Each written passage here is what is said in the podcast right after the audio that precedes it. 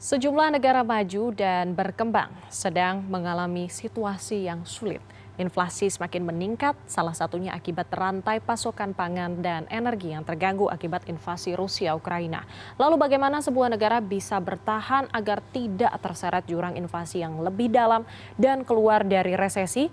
Koresponden CNN Indonesia Ruli Kurniawan akan membahasnya bersama Managing Director International Monetary Fund atau IMF, Kristalina Georgieva. Berikut wawancaranya.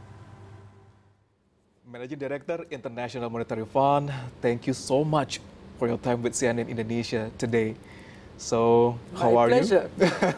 very happy to be in uh, Indonesia, very happy to be in Bali. Yeah, Beautiful.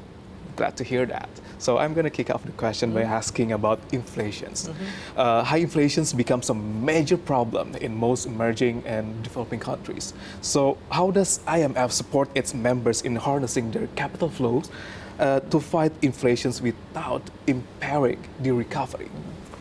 Uh, we do recommend central banks to act decisively to throw cold water on this heating of prices because uh, if they don't, that affects people's incomes and it affects the foundation for growth. Yes.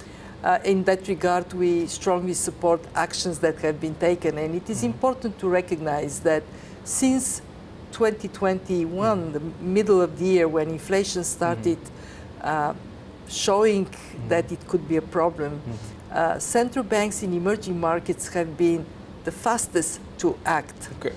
And we have seen since then, on average, almost four increases of rates per country, uh, which is calming somewhat the fears that inflation can de anchor. In other words, run faster faster, than we can catch it up. Uh, but uh, clearly, still uh, more needs to be done. Of course, when inflation is uh, high, major central banks, the Fed, the European Central Bank, they raise interest rates, Yes. and that attracts capital to go to a safer place. Uh, since the beginning of the year, over 50 billion dollars have left emerging markets and developing economies. This is as much as it has gone into these economies for the whole of last year. Yeah. So uh, capital outflows is an issue. What the IMF does is to advise countries how to most appropriately deploy their policies mm-hmm. to buffer their economies and protect from risks of capital flows mm. hurting their own growth. Mm. We have come up with a um, integrated policy framework. Mm. This is think of all instruments you have, and then we are working with countries for the most appropriate response. That means that if capital outflows are threatening to destabilize uh, a country, then there could be capital flow measures, Measures. put in place. Yes. All right. So we're talking about uh, inflations now. We're talking about recessions. It's you know like we heard it a lot uh, nowadays. So, uh, in your point of view, how to prevent a deep recessions? Because we know some countries are facing higher debts. Let me start by saying that um, while we are going to downgrade our growth projections for a third time since the beginning of the year, we are still expecting growth in 2022 to be positive. Positive.